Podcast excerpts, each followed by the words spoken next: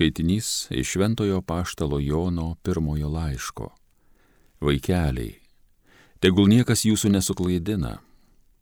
Kas teisė elgesi yra teisus, kaip ir jisai teisus. Kas daro nuodėmę, tas išvelnio, nes velnės visas nuodėmėse nuo pat pradžios. Todėl ir pasirodė Dievo sūnus, kad velnio darbus sugriautų. Kas yra gimęs iš Dievo, nedaro nuodėmės nes jame laikosi Dievo sėkla. Jis negali nusidėti, nes yra gimęs iš Dievo. Taip išaiškėja Dievo vaikai ir velnio vaikai. Tas, kuris elgesi neteisiai, nėra iš Dievo. Taipogi tas, kuris savo brolio nemyli. Tai Dievo žodis.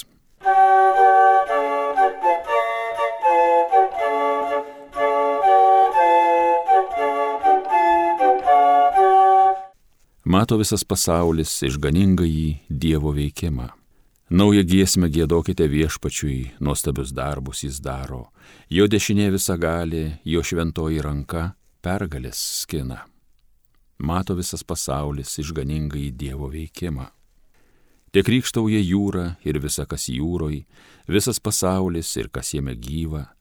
Dilnais plokit upės upeliai, jūs kalnai linksmai jiems pritarkit mato visas pasaulis išganingai jį Dievo veikimą.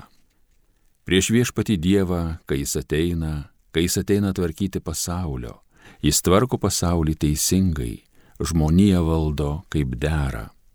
Mato visas pasaulis išganingai jį Dievo veikimą.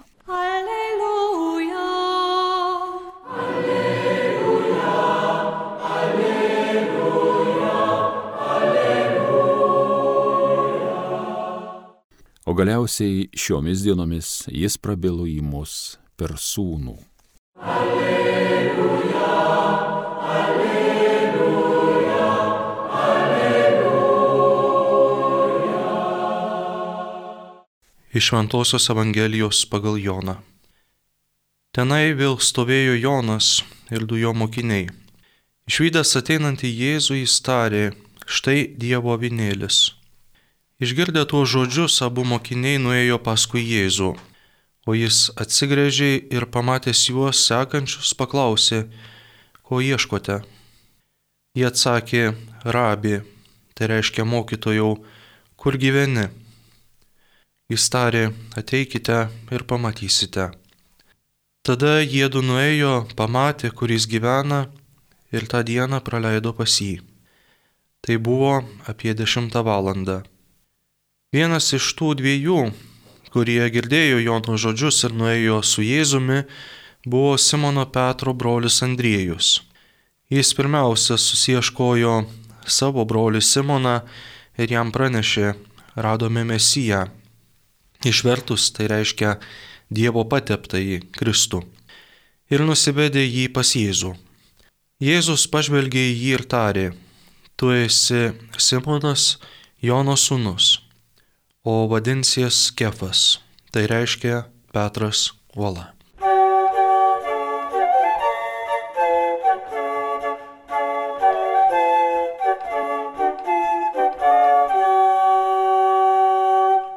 Nekartą esame girdėję, jog būna, kad visuomenininkai, mokslininkai, menininkai, rašytojai nerimauja, jog jų darbai baigsis su jais ir jie neturės savo darbo tiesėjų.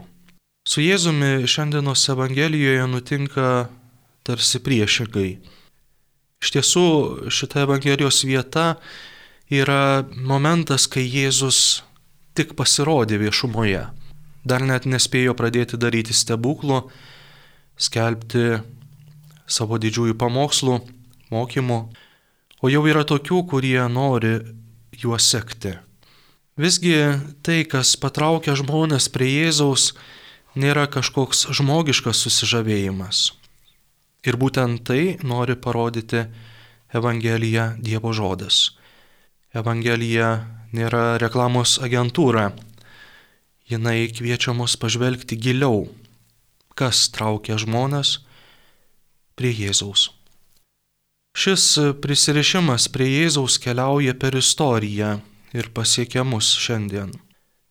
tai kas daugiau nei 2000 metų veda žmonės pas Jėzų, yra Dievo troškimas.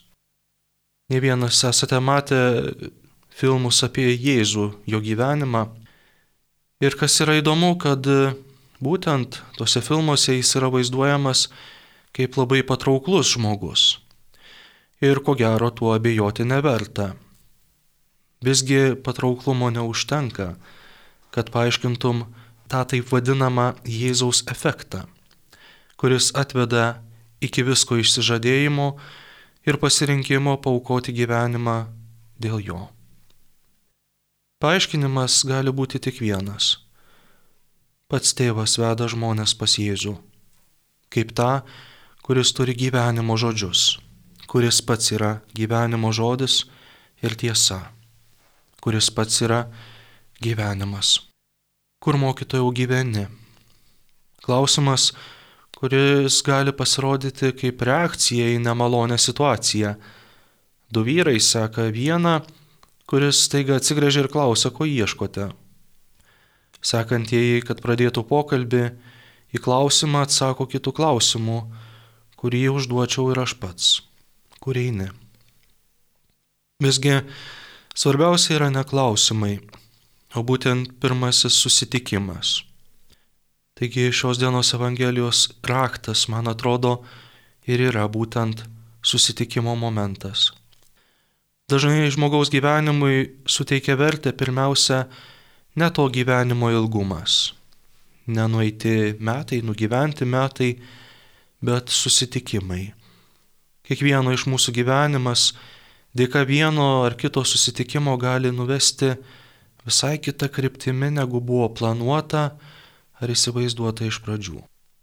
Vaikinas sutinka merginą, kuri taps jo žmona, pradedantis menininkas sutinka mokytoją, kuris pastebi jo talentą ir atveda jį iki neįtikėtino meistriškumo. Jaunuolis sutinka šventą gyvenimą gyvenantį vienuolį ir jo širdis užsidega gyventi tuo pačiu šventumu, kaip kad šventasis Pranciškus Ksaveras Paryžiuje sutinka studijuojantį savo tautietį Ignacą Lojolą ir būtent dėka šio susitikimo ir užsimersgusios draugystės iš jauno ir išpuikusio mokytojo Pranciškus nusprendžia pats tapti misionieriumi, savo gyvenimą paukoti Jėzui.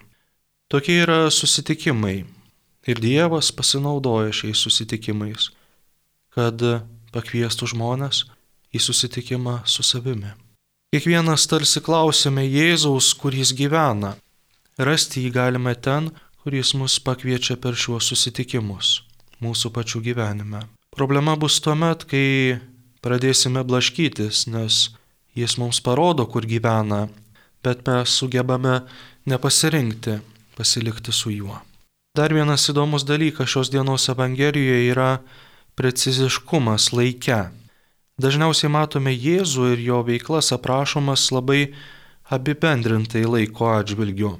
Kartais net ir ilgiausius pamokslus jo prakalbas sugeba sutraukti į keletą eilučių.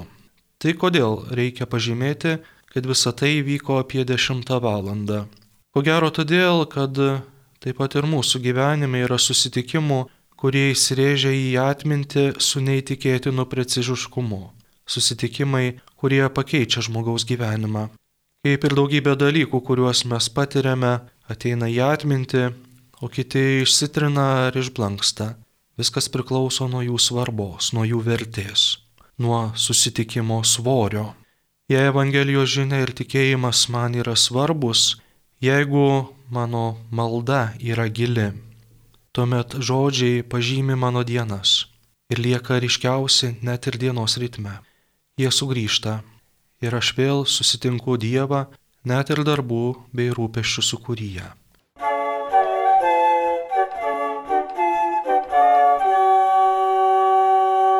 Homilija sakė vienuolis Dominikonas, kunigas Jokūbas Marija Goštautas.